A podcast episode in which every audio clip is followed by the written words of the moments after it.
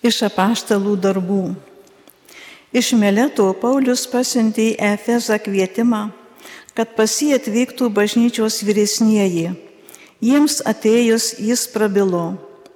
Jūs žinote, kaip aš nuo pirmosios dienos, kurią įžengiau į Aziją, visą laiką pas jūs elgiausi, kaip tarnavau Dievui visų nusižeminimu, ašaromis ir bandymais, kuriuos teko iškesti dėl žydų pinklių. Kaip nieko nenutylėjau, kas jums naudinga, bet kalbėjau ir mokiau tiek viešumoje, tiek po namus, žydus ir graikus, ragindamas atsiversti į Dievą ir įtikėti mūsų viešpatį Jėzų Kristų. Ir štai aš, dvasios kalinys, keliauju į Jeruzalę, nežinodamas, kas man ten nutiks. Tik tai šventoji dvasia kiekviename mieste man skelbė, jog manęs laukia pančiai ir vargai. Bet aš per daug nesinebranginu savo gyvybės. Svarbu, kad tik baigčiau savo bėgimą ir įvykdyčiau uždavinį, kurį esu gavęs iš viešpaties Jėzaus - paliūdyti Dievo malonės Evangeliją. Ir štai dabar aš žinau, kad daugiau nebematysite mano veido. Jūs visi, kurių tarpė esu buvęs, skeldamas Dievo karalystę. Todėl aš šiandien iškilmingai pareiškiu, jog nebūsiu kaltas, jei kas pražus. Ašgi jums nenutylėjau ir paskelbiau visus Dievo nutarimus. Tai Dievo žodis. Dėkojame Dievui. Pasaulio valstybės gėdokite Dievui. Pasaulio valstybės gėdokite Dievui. Gerdarybių siuntė ant savųjų, juos gaivinai, kai buvo pailsę, savo kaimeniai tėviškę čia dovanojai, vargšus globoja iš savo gerumo. Pasaulio valstybės gėdokite Dievui. Viešpati garbinkit kiekvieną dieną. Dievas naštas mūsų neša, jis vaduotojas mūsų. Mūsų mūs Dievas tai gelbintis Dievas, padeda iš giltinės viešpats Dievas ištrūkti. Pasaulio valstybės gėdokite Dievui.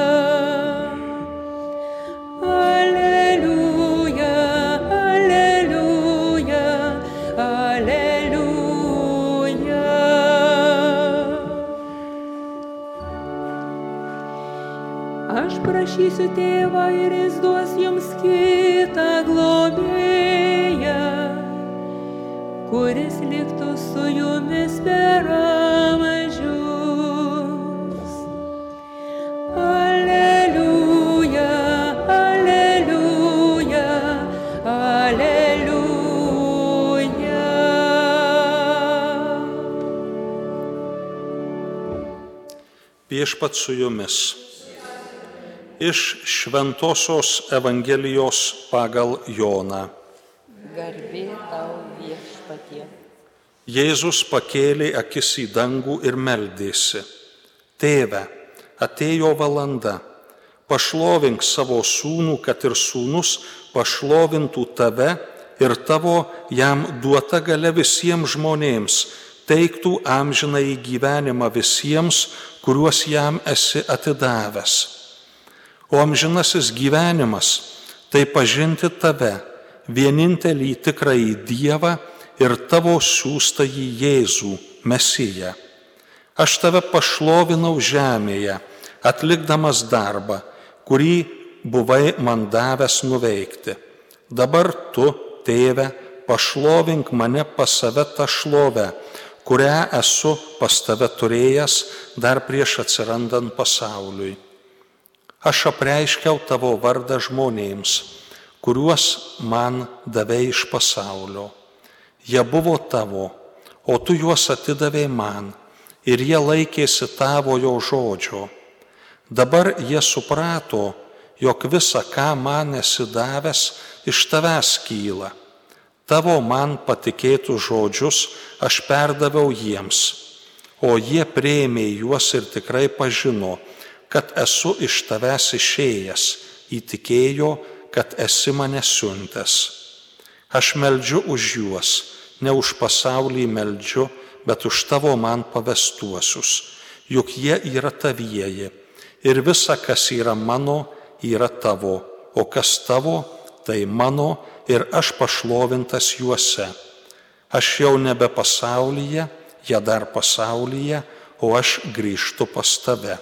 Girdėjote viešpaties žodį. Šlovė tau, Kristau.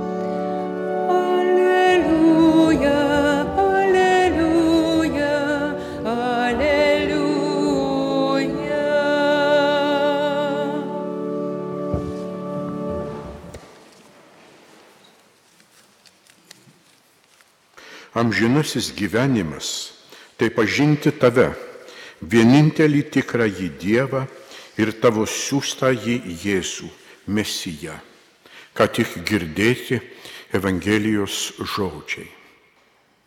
Amžinasis gyvenimas. Kai tarim tuos žodžius, tai ateina mintin ir kiti žodžiai - amžina laimė. Ateina mintin ir dar kiti žodžiai - dangaus karalystė. Ateina mintin žodis - rojus. Žmogaus širdis yra alkana laimės. Todėl nieko nuostabaus, kad šie trys dalykai labai savyje persipina. Bet ir vėlgi, kas tas rojus, kas ta laimė amžina? Tikinti žmogus vienaip masto, netikinti žmogus masto kitaip. Tikinti žmogus masto, jog amžinoji laimė ateis pasibaigus šio žemės kelioniai. Netikintis žmogus nori laimę, rojų susikurti dar čia žemėje. XIX amžiaus ir XX amžiaus sandūroje žmonijoje labai pagausėjo materialiųjų gerybių, kadangi buvo atrasti industrijos dėsniai, atrastos mašinos, išsivystė gamyba greitais tempais ir nergėtais masteliais. Atsirado daug gerybių. Atrodo laimė, bet laimės nebuvo, nes tai viską gadino socialinės įtampos. Vieni turėjo labai daug, kiti neturėjo nieko. Proletarai sako, neturi nieko, tik vaikų, proles, lotiniškas žodis iš senovės romėnų laikų. Proletarai. Ir štai nenuostabu, kad radosi pastangos kaip nors sureguliuoti tą disharmoniją, tą disbalansą. Mąstytojai, sociologai, ekonomistai pradėjo ieškoti, kelių ir būdų. Reikia pasakyti, beveik visi tie keliai ir būdai, kurie buvo ieškomi ir atrasti, buvo be Dievo. Rojus čia žemėje, jį reikia susikurti. O Dievas, religija, tai iliuzija, tai opiumas, kuris apsvaigina žmogų tam, kad jisai užsimirštų, kad jis nesiektų tos laimės čia žemėje. Vladimiras Leninas net ir mėgdavo kartoti tuos žodžius - sukursim rojų žemėje. Tiesa, jisai vengdavo ir jo bendražygiai daugumoje vengdavo konkrečiai nurodyti, kaip atrodys tas komunizmo rojus. Bet štai vienas iš jų, Levas Trotskis, 24 metais rašė, žmonija įžengs į naują savo egzistencijos etapą. Žmogus taps galingas, žmogus galės pakeisti upių teikime, pajudinti kalnus, žmogus pasieks kalnų viršūnės ir okeano gelmes. Žmogus pakeis ir savo vidų, pakeis savo biologinę struktūrą, pažinę savosius instinktus, juos ištobulins ir atsiras nauja žmonių rūšis, sociologiškai ir biologiškai viršesnė. Išsivystys intelektas, išsivystys pažinimas. Ir eilinis, eilinis žmogus turis, turės nemažesnį intelektą negu didieji žmonijos genijai - Aristotelis, Goethe, Marksas. Taip buvo utopiškai rašoma. Laukiame to rojaus. Nu žinoma, kad pastatyti kažką, pirmiausia reikia sugriauti. Na tai ir sakė, pasaulį seną išardysim. Išardė.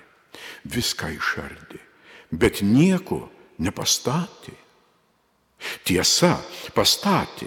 Pastatė daug, daug, daug barakų, kurie paskui buvo apjungti lageriais o tie lageriai apjungti į vyriausiąją lagerių valdybą, glavnoje upravlėnėje lageriai, baisusis žodis gulag.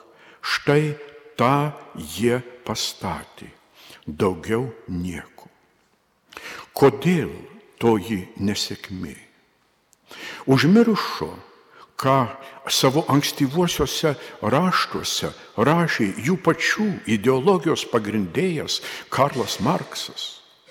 O jis rašė, kad žmogus atsiskleidžia savo darbuose, savo darbe. Žmogus parodo tai, kas jis yra ir pajaučia save ten. Bet jeigu iš žmogaus atimti darbo kūrybos džiaugsmą ir padaryti jį industrinės sistemos rateliu, padalinus darbą, atsiradus konvejeriams, žmogus susvetimėja. Žmogus jau nebėra savo darbo autorius, nebėra savo pagaminto daikto autorius Visi šitie dalykai jam jau svetimi ir jis pats svetimas tarp svetimų dideliame, dideliame industrijos mechanizme. Štai tai perspėjo Marksas, bet tai buvo užmiršta.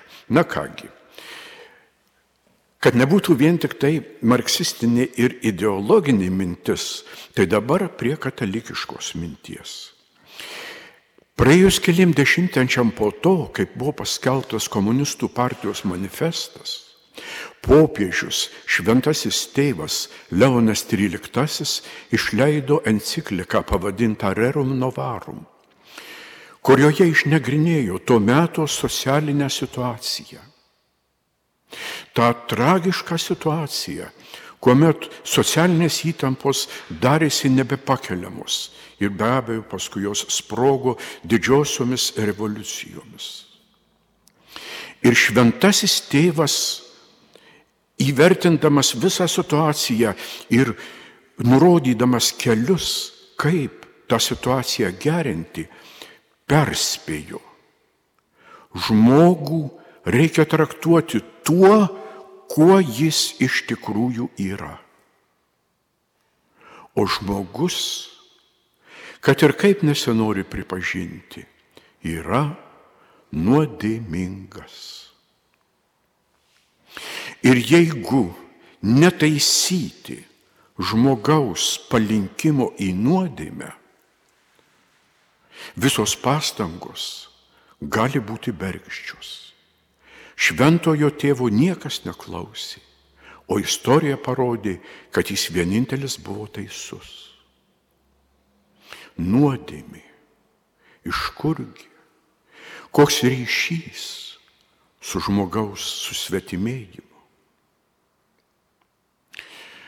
Mes tikime, kad yra gyvenimas po mirties, bet yra ir gyvenimas iki mirties.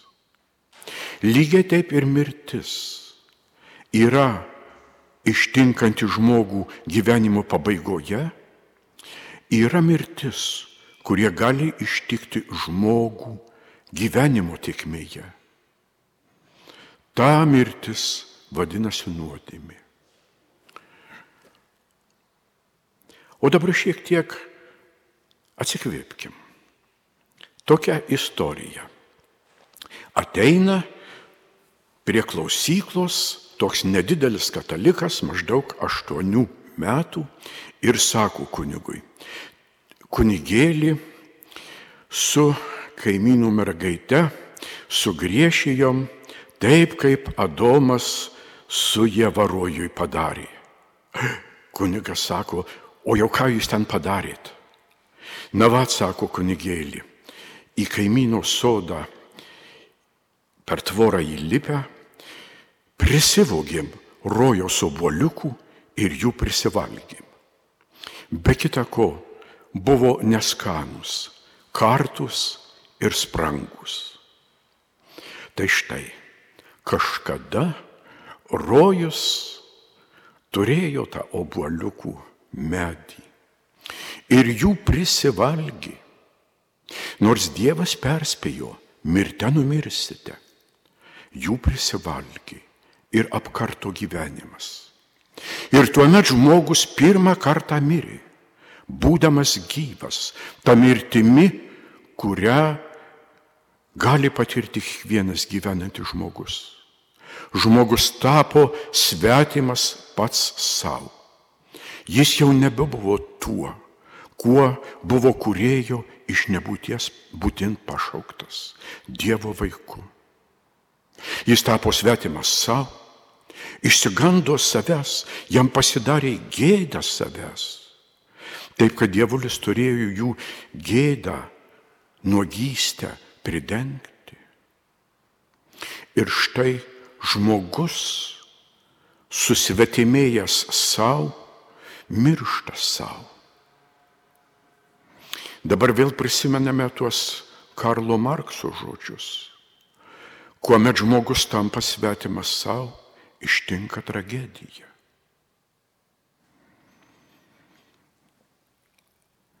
O žmogus susvetimėjęs miršta įvairiom mirtim, vienatvės mirtim, dvasinės tuštumos mirtim, nepasitenkinimo mirtim, begalinio troškimo pasotinti pats nežinodamas kokį poreikį mirtim, nusilenkimo turto Dievui mirtim.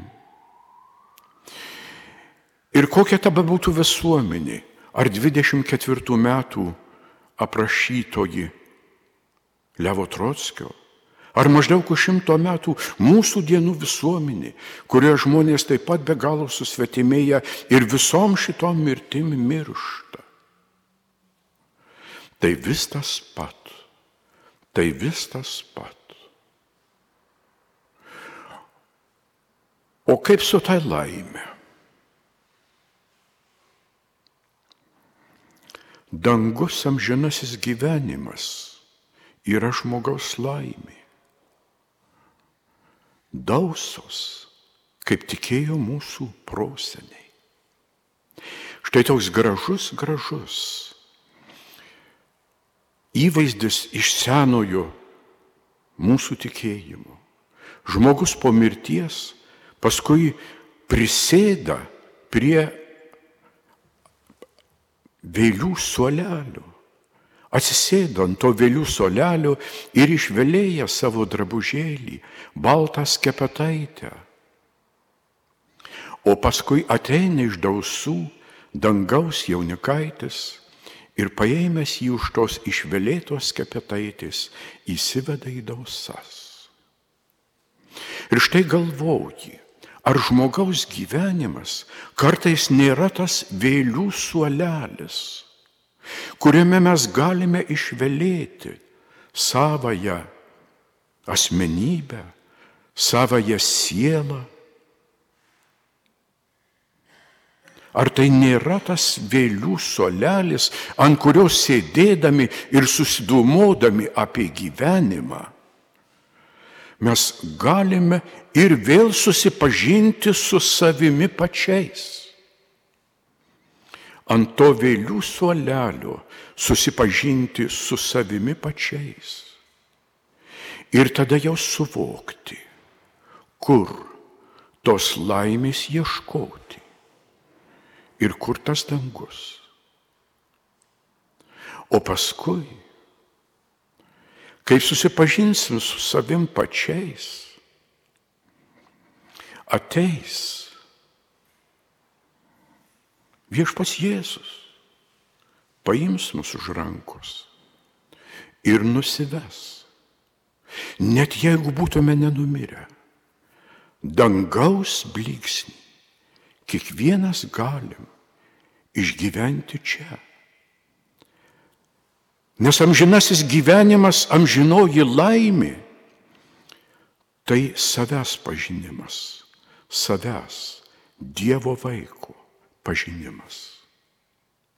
Amžinoji laimė yra išgyvenimas savęs, išgyvenimas savęs kaip Dievo vaiko. Amžinoji laimė yra tas blyksnis, kurisai vieną kitą kartą, jeigu gyvenime sublyksti, yra tvirta prielaida, kad vieną kartą jis neužges. Ir tada pažinsime save. O savyje pamatysime kurėją, nes pagal jo panašumą esame sukurti